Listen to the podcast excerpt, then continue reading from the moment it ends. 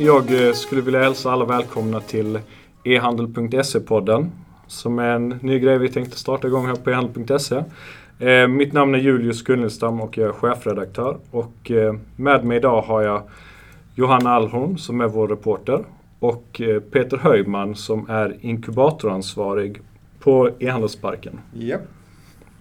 Ni kanske, ni kanske vill presentera er lite Ja, jag kan ju börja. Jag skriver ju artiklar på ehandel.se. Jag har säkert träffat många av våra lyssnare och ja, jag kanske är lite bekant i alla fall för de som brukar kolla på vår sajt. Så att det är väl det jag jobbar med.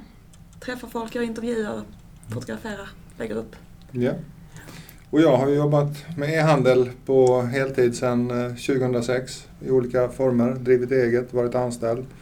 Och just nu så jobbar jag som inkubatoransvarig här på e-handelsparken och bygger vingar på nystartade unga e-handelsbolag. Mm. Ja, det, den här podden kommer både ta upp aktuella händelser och kommer ha gäster som dig Peter. Och eh, i det här fallet skulle jag säga att det, vi blandade lite för att du touchar vid flera nyheter som jag har skrivit på sistone. Bland annat e-meet. Vi är just nu mellan två e-meet. Vi hade vårt första i Göteborg nyligen och nu i Stockholm så blir det vårt tionde event. Och eh, e-meet fyller väl sex år tror jag. Vi skrev nyligen en artikel. Johanna, du skrev en artikel med, om Peter och de här tio. För du var ju med och startade e-meet. Mm. Jag eh, tänkte bara om du ville bara berätta lite kort hur det gick till, själva uppstarten. Ja, alltså det är, det, är det oklart? Nej, det är inte alls oklart. Det, det, det, även om det inte är så länge sedan så känns det som ett annan, en annan tid, ett annat liv. Um, vi var ju, jag brukar prata om den här första och andra vågen e-handlare. Uh, den första vågen var ju de Bo.com och uh, Stahl von Holstein och de här som körde igång 98-99 och som som överlevde någonstans 2003, 2004 där någonstans. Och, och, efter det så började den andra vågen komma när liksom e-handeln började bli lite mer tillgänglig utan att ha en massa miljoner i fickan. Så att det var väl en del butiker som startade 2004, 2005, 2006 där någonstans, den här andra vågen. Men det var ju väldigt mycket trial and error för att det fanns, det fanns ju, kanalen fanns ju inte e-handelskanalen på det sättet som vi känner den idag. Så att jag tror att där någonstans, eh, och när sociala medier sen eh, verkligen fick ett stort genomslag någonstans 2008-2009 när vi verkligen började prata med varandra i realtid. Eh, så började den här communityn att växa fram på riktigt. Då hittade e-handlarna varandra? E-handlarna började hitta varandra och det var unga entreprenörer som, som, som ville framåt. Och man, på något sätt växte fram en, en vilja av att prata med varandra. Så det gjorde väl att, och jag tror att forumet på ehandel.se till exempel fick också ett väldigt, väldigt liksom uppsving under de åren. Som också var en kanal för, för dialog och kunskapsutbyte. Men sen liksom själva e-meet växte ju fram som en idé när vi träffades några stycken e-handlare på en, på en konferens i Stockholm våren 2010. Där vi var några e-handlare som till slut råkade sitta vid samma bord och, och, och sa att amen, det här var ju jättekul att träffas i verkligheten också, inte bara via olika sociala kanaler utan i verkligheten. Det här borde vi kanske kunna göra någonting av. Och sen var det Magnus som i slutet på dagen skrev på en, en servett hashtag e-meet. Och sen var liksom idén född. Det handlar väl också om att det inte är under så kontrollerade former utan det är hälften nätverkande och hälften sprida kunskap och försöka lösa, dela med sig. men jag tror att det var en, en förutsättning för att eh, stoppar du in 50 stycken entreprenörer, alltså människor som brinner för någonting i, i ett rum så är det, det är svårt att hålla en, få dem att sitta still. Alltså jag menar hela, hela andan, hela känslan bygger ju på att den här rörligheten och att man får får utlopp för sin energi och att man får hjälp att driva sin verksamhet framåt. Man vill inte sitta och lyssna på någon som står och berättar för en hur man ska göra. Och framförallt då 2010 det fanns ju ingen som kunde berätta. De som kunde berätta det var ju vi som jobbade med det. Vi kunde ju dela med oss till varandra. Vi kunde inte ta in någon föreläsare som berättade för oss hur vi skulle driva e-handel utan vi var ju själva kunskapen. Det har jag tänkt på lite där med, med e som man har som jag som inte har jobbat med e-handel själv innan jag började med, med det här. Att när man hörde om konceptet så är det ju ändå ganska enkelt det här att man ska ses och utbyta erfarenheter och så. Jag har tänkt flera gånger att det borde ju ofta vara att man får tips som man inte tycker är speciellt bra kanske. Men det låter ju ändå lite som att det kanske har varit mer att man, man har varit villig att testa olika saker och kommit med idéer och varit villig att diskutera e-handelsbitar med andra inblandade så att säga. Ja, för just den här andra vågen e-handlare. Eh, jag brukar säga att den tredje vågen är efter 2011-2012 någonstans när det verkligen blev tillgängligt och billigt att börja driva e-handel, alltså ur, ur ett tekniskt eh, perspektiv. Men eh, de som växte fram i den här andra vågen att det fanns ju inget facit utan som du säger att man, man, man hörde talas om olika idéer, olika sätt att göra saker och ting och sen kunde man tycka det var bra eller dåligt, man åkte ofta hem och testade och sen kunde man komma tillbaka och säga men jag har testat, det här funkar inte för mig men det funkar för någon annan. Så att det, var, det var, var verkligen trial and error och dela med sig av, av de erfarenheterna. Och vi var ju själva tvungna att skapa det. Det fanns inget facit. Och det finns fortfarande inget facit. Men idag är informationen och kunskapen mycket mera... Det finns ju en historik. Nu kan vi börja prata om att vi har ju drivit e-handel på riktigt i det här landet i nästan 15 år, men åtminstone i 10 år. Så nu finns det ju en viss historik och kunskap. Och att verktygen har ju utvecklats också väldigt mycket. Idag är det mycket lättare att testa saker och ting. Kanske finns, som man kallar det, best practice idag också. Att man kan kolla upp vad är bästa väg att gå i ett visst problem. Medan då kanske det inte fanns. Nej, och då fick man ju vända sig till Dan Nilsson till exempel och fråga honom om best practice. För han, hade, han, han kan ju det där. Han har testat alla grejer ja, som inte testat. funkat. Jajamän. Best practice, då är det Dan. Mm. Men det där är väl också lite en sak som har ändrats. Att från början med Imit så var det ju mycket att alla kanske hade sin e-handel och skötte väl kanske mycket i sin egen e-handel själv. Medan de som kommer på Imit nu, då är det ju ofta alltså flera från samma företag och de här e-handelsföretagen har ju vuxit sig stora i många fall. Eh, vilket gör ju deltagarna på Imit till en lite annan grupp än det kanske var från början. Det tror jag absolut, därför att från början så var det ju verkligen enmansföretag eller en, alltså en personens företag där man gjorde allting. Och jag menar, tittar du på perioden 2008 till 2010, 2011 där någonstans under de tre, fyra åren. Så de större bolagen var ju inte där. De, de, var inte på, alltså de var på väg ut på nätet och började driva ena men de flesta var ju inte där. Så för dem fanns det inget reason why. Idag, så ska ju, idag är ju nästan alla ute på nätet, men var finns kompetensen? Det finns ju inga människor att anställa. Alltså, det finns, du kan ju inte gå till Arbetsförmedlingen och säga att jag behöver människor som kan e-handel. Utan att du måste ju utbilda dem som du faktiskt som har kompetens, alltså som, som du anställer. Eh, och då blir ju e-meet ett bra ställe att eh, ta sin personal eller sina anställda för att utöka sina kunskaper. Så det, det, är lite annorlunda och jag tror det är det som har gjort också att det är fler större företag som kommer. Mm. Därför att du kan inte rekrytera kompetens, du måste bygga kompetens.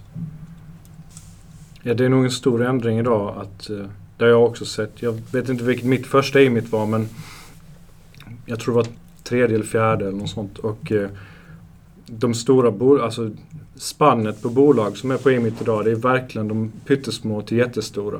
Och det, och det funkar ändå. Mm. Det är det som är så roligt. Det känns som att de stora törstar efter samma information som de små. Mm. I många fall att de försöker hur ska, det här problemet har jag som 100 miljoners bolag. Mm. Precis samma problem som någon som omsätter en miljon. Liksom. Mm.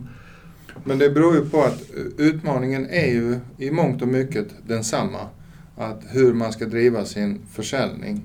Eh, och mycket av kompetensen finns ju hos de små företagen därför att där tvingas du göra allting själv. I de lite större bolagen där finns det människor som har ansvar för olika områden. Men för att de ska bli specialister och kunna fördjupa sina kunskaper så är det ju oerhört värdefullt att prata med dem som faktiskt gör det varje dag själva. Mm. Så jag tror att det kunskapsutbytet är... Internationellt ser vi också att i de här, i många stora bolag nu så personen som har varit e-handelsansvarig flyttar sakta men säkert upp på, på liksom stegen och i vissa fall blir VD. För att mm. du vill ha upp den här kompetensen eller den personen på så pass hög nivå för att det blir så mycket viktigare med ja, e-handeln blir viktigare överlag. Eh, en fråga jag har som jag inte vet om du kan svara på eller inte men... Fire away!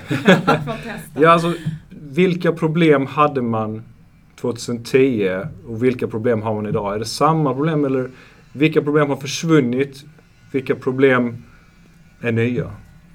Eh, jag tror att en, en väldigt, väldigt stor eh, förändring är alltså tillgängligheten i, i plattform, i teknik. Eh, när jag började leta min e-handelsplattform som jag jobbade med under många år, då 2006, fanns det inte speciellt många att välja på. Eh, och det var tekniskt komplicerat och så vidare. I, idag är alltså själva plattformen, den tekniska plattformen för att driva e-handel, är så oerhört lättillgänglig idag. För nästan, alltså du kan ju starta idag och egentligen inte kosta någonting. Så att urvalet av tekniska lösningar är mycket, mycket, mycket större. Ehm, sen är ju utmaningen då att sätta sig in i de olika plattformarna. Var det lättare att nå kunderna då med tanke på att det var färre aktörer? Att det tekniska var svårare men för idag? Nej, jag skulle inte säga att det var lättare för att det var ju färre kunder på, mm. som handlade på nätet också. Mm. Eh, utmaningen idag består ju Alltså konkurrensen blir ju hårdare och hårdare. Ju större de stora bolagen blir, ju mer aggressiva de blir. Där ligger ju liksom utmaningen idag, att som mindre e-handlare att kunna hänga med de stora. För att de har ju plånboken, de, de mosar ju. Det är ju som stridsvagnar som bara kör rakt över. Hur var det med sociala medier 2010 har jag tänkt på? För det, det är ju inte så många år sedan som du själv var inne på innan. Men det känns ju som att det är det som, som alla pratar om nu, hur man ska jobba med de här olika medierna som finns och um, vad man ska göra på vilket sociala medium så att ja. säga. Men det kanske inte var samma sak då? Nej, alltså i alla fall, jag är inte någon social media-människa så, eller jag har på det sättet, men jag tror att man pratar inte så mycket marknadsföring då. Mm. utan då pratade man det mer som ett dialogverktyg. Alltså att man, hade, man skulle svara på frågor via, via Twitter, man skulle mm, ha sin Facebook-sida så att kunderna kunde kommunicera med en. Idag pratar vi ju väldigt stor uteslutande om trafikdrivning via sociala medier. Att idag så jobbar vi med det som en marknadsföringskanal. Givetvis är den ju också viktig i kundservice och, och så vidare men vi pratade inte så mycket marknadsföring då tror jag utan då var det mer liksom hur ska jag använda det här för att bygga en bra relation med mina kunder. En sak jag tänkt på också är det här att du var egen e-handlare innan, mm. svettades och ja. kämpade. ja. Och sen så började du jobba på Bygg Hemma, som ja. vi skrev om häromdagen. Ja. Och det är en väldigt stor kontrast som liten egen e-handlare och jobbar på ett ja, miljardbolag som Bygg Hemma. Men de är ändå e-handlare mm. i själen och i grunden. Hur jobbar, hur, vad, vad har du sett för skillnader där när du jobbade i ett litet bolag och ett jättestort bolag? Alltså det där är ju så svårt att uttala sig om för att det kommer ju väldigt mycket ner på, på mig som, som entreprenör och hur jag ser på, på affärsverksamhet och kundservice och sådana saker. Men, men i grund och botten så är det ju väldigt, det är ju, det är ju, spelplanen är ju samma. Kunden finns där ute. Hur ska vi nå ut till kunden? Hur ska vi få in kunden? Hur ska vi få kunden att konvertera? Eh, den stora skillnaden är ju att eh, det finns ju betydligt större resurser eh, för marknadsföring till exempel. Och sen också att är man en stor aktör så har man ju ofta, du har ju väldigt stor trafik. Alltså, du har väldigt, väldigt, väldigt mycket trafik in eh, som du kan göra väldigt mycket med du, när du har ett brett sortiment. Eh, som, som liten e-handlare så får du jobba väldigt hårt för att dra in den här trafiken som kan ge den här spillover-försäljningen jag vet inte riktigt. Utmaningarna är i mångt och mycket densamma. Sen är det också det här att som liten e-handlare eller som liten entreprenör så blir du specialist på allting. Du måste göra alla delar själv. Vilket gör att du har en väldigt bra bred kunskap. I det stora bolaget så har varje eh, gren så att säga sin egen ansvarige. Eh, och man är mycket mera generalist. Och ska jag bara generalisera så kan jag väl säga att jag tror att de stora bolagen är inte lika fokuserade på att vara så jäkla duktiga inom varje område utan man lever på sin, sin storhet, på, på den stora trafikmängden som man lyckas dra in. Eh, sen är inte konverteringsoptimering det absolut viktigaste. Eh, kundupplevelsen är inte det viktiga utan det är ett, nu kommer Bygghemma är ett extremt exempel där man är extremt säljorienterad. Så det kanske inte är ett helt rättvisande heller. Men, men det tr tror jag du har sagt också någon gång, även som liten i att det handlar om att sälja, sälja, sälja. Det är, det är det viktigaste. Det är det absolut allra, allra, allra viktigaste. Vi tenderar att lägga alldeles för stor vikt vid hur ser vår startsida ut eller var ska jag lägga den här bannern och, och, och så vidare. I, istället för att prata med våra kunder och fokusera på att Alltså, butiken är ju bara, det är ju bara ett medium, det är bara en kanal för att driva försäljning. Det är ingenting annat.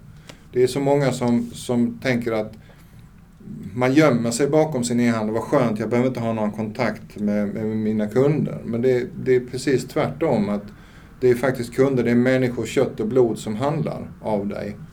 Uh, och hur bygger du en dialog med dem? Och där är ju själva skyltfönstret, din nätbutik, är ju bara ett verktyg.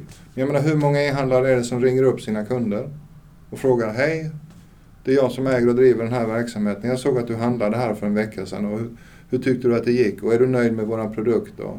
Ja, det har nog aldrig hänt mig. Faktiskt inte. När jag har e-handlat. Varför inte det? Jag har aldrig blivit uppringd. Jag vet ja. inte. Tänk den e-handlaren som... det är väl som, att många tycker att det känns lite sådär, ska ja, ringa vill, och störa. Ja, och, och man vill gömma sig och det är så skönt att vara e-handlare för att jag behöver inte ha kontakt med mina kunder. Ja. Men jag menar den dagen du inte har tid att ha kontakt med dina kunder då ska du nog börja fundera på vad, vad du håller på med. Så alltså, det, samtidigt det är, har, du, har du tusentals kunder. Du kan inte sitta Nej, ringa du kan inte ringa allihopa men du kan i alla fall någon gång i veckan ringa en kund. Ja.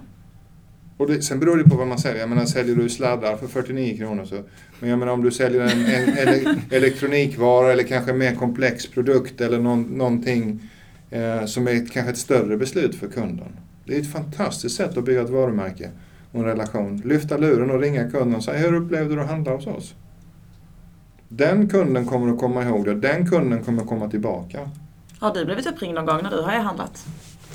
Inte vad jag kan minnas, men jag har själv ringt massor av kunder.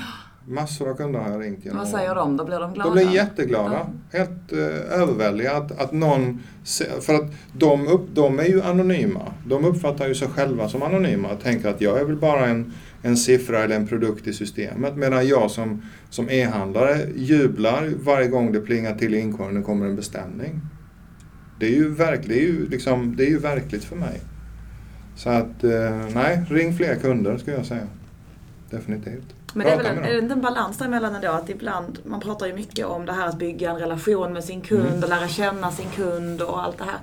Men sen egentligen handlar det ju om att sälja som, som du säger. Ja. Alltså hur hittar man den här balansen om man ska lyckas på ett bra sätt. För att man kan ju inte heller sitta och vara bästa kompis med alla kunder. Nej, det handlar inte om att vara bästa kompis utan det handlar ju om, tycker jag, om att kunden ska ha ett förtroende för mm. mig som min butik. Att, att jag levererar på ett bra sätt, det är bra produkter, de är rim jag behöver inte vara billigast, bara jag inte är dyrast eller tar oskäligt betalt. Utan att jag, den kunden som, som handlar hos mig känner att de gör en, en, en bra affär och att de kan lita på mig. Mm. Känns det inte som att e-handelsbranschen är på väg lite åt det hållet? Att det är mer mindre prisfokus. Att det, det behöver inte vara det billigaste utan man vill ha en balans mellan bra service och bra kontakt och bra tjänster liksom. I samband med ett bra pris förstås. Men... Nu dog det en liten tomte ute i skogen, för du sa bransch. Okay. det får man inte.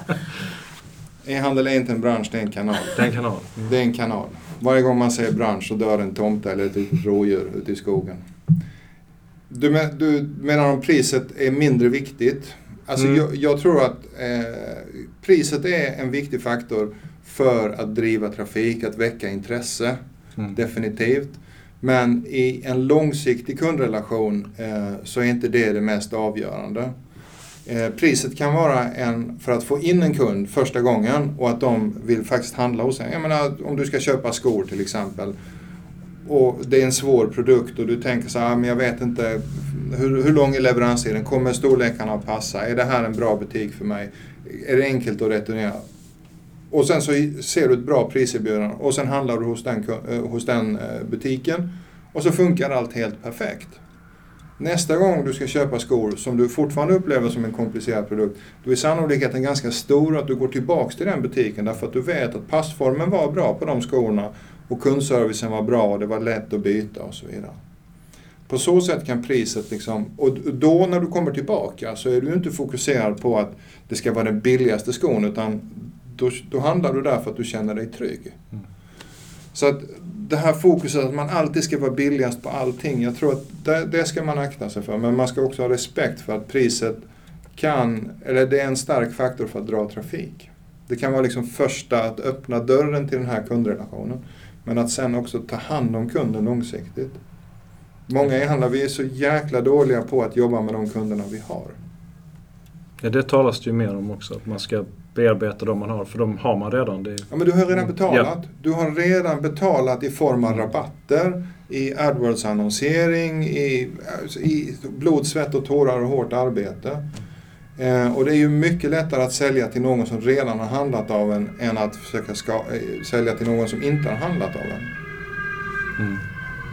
Det är lite lustigt där tycker jag att man fortfarande pratar så mycket om att det ska vara tryggt att handla och det ska kännas att det är en så viktig parameter det här med trygghet för kunden och så. För att jag menar, det är ju inte nytt. Man kan ju tänka sig när det var nytt med e-handel att folk mm. var lite försiktiga. Men ska jag våga betala för någonting på nätet och så. Men jag menar man pratar väl sällan om att gå in i en fysisk butik, att det ska vara tryggt att handla. Det, det utgår man ju från någonstans. Alltså när hamnar vi där med e-handeln? Att man bara handlar för att man utgår från att det funkar. Ja, men jag tror att trygg, alltså trygghets... Eh, begreppet har ändrat innebörd. För precis som du var inne på, tar, backar vi tillbaka fem år, då 2010 där någonstans, så handlade ju trygghet om, vågar jag lämna ut mitt kortnummer här eller inte?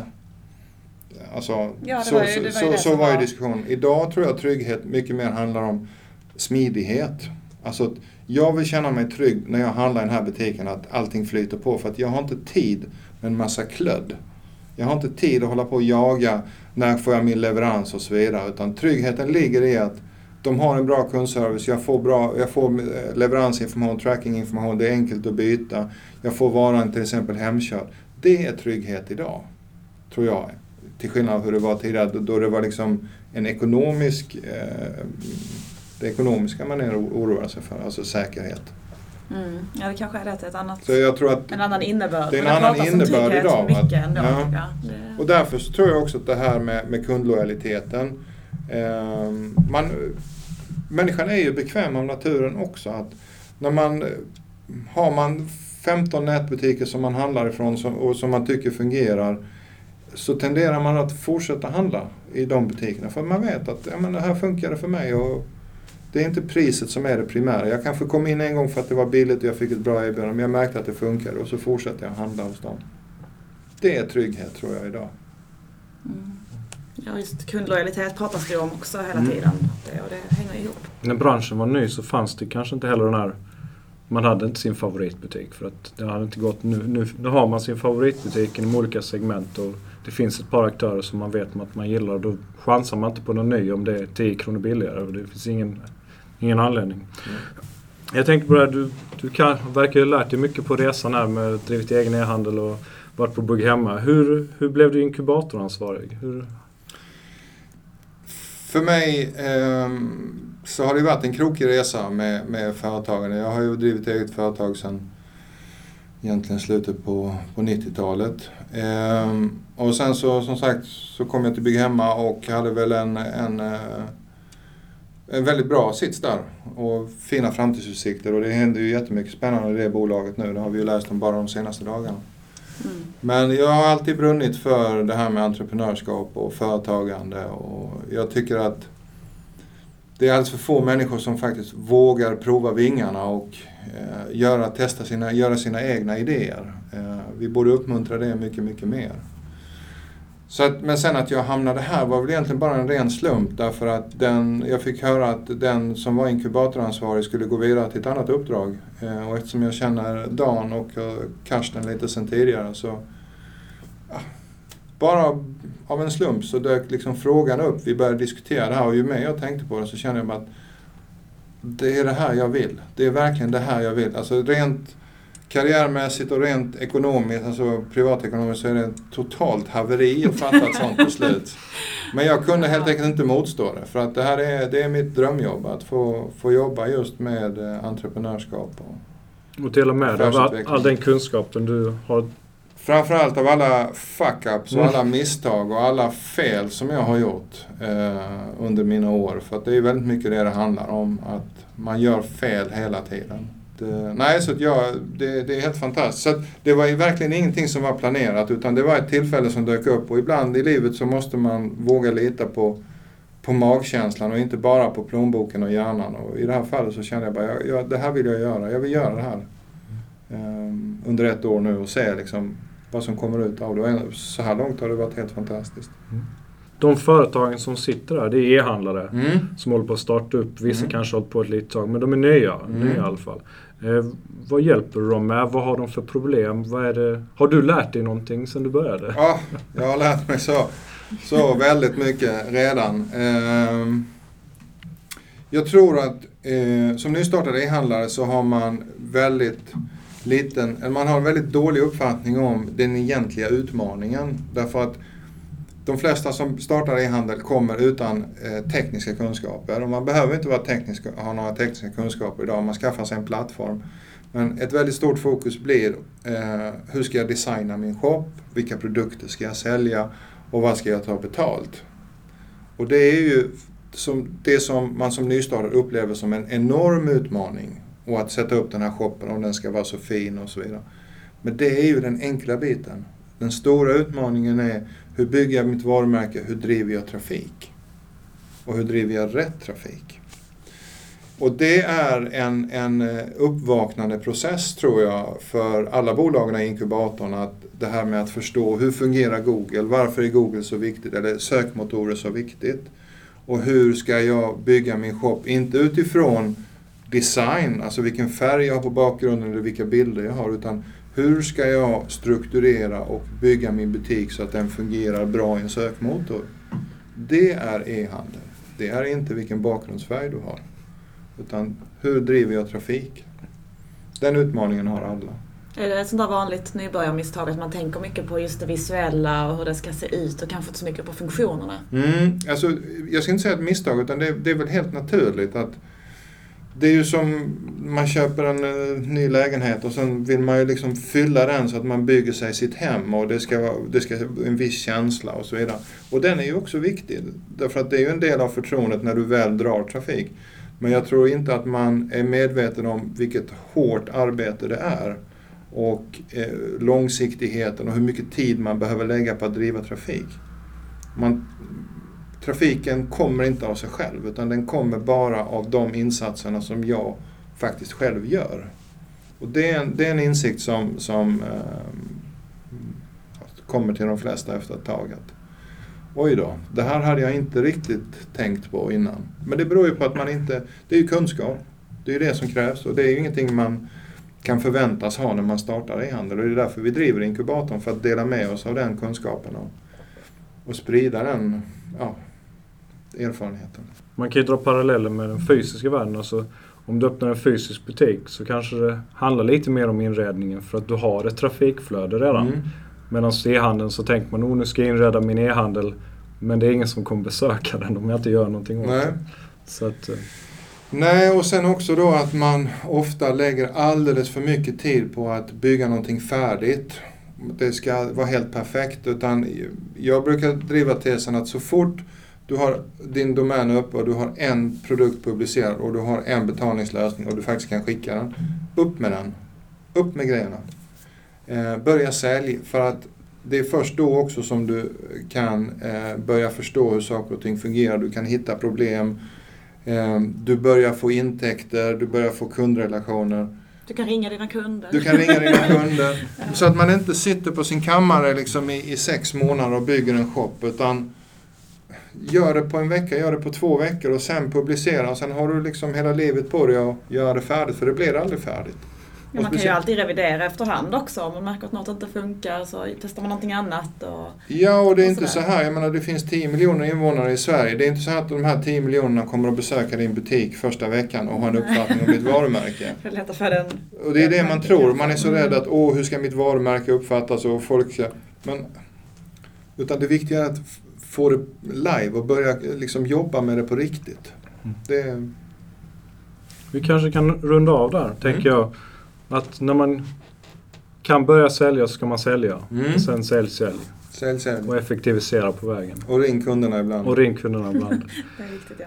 Ja, nej, jag, vill bara säga att det var kul att ha, ha dig med Peter och eh, jag hoppas att vi kan ha med dig lite fler gånger. Vi kommer ju allihopa, både Jan.se och hela Järnvägsparken kommer ju flytta till en ny byggnad, det gamla HD-huset. Mm. Och, eh, så vi kanske kan göra något, liten podcast därifrån.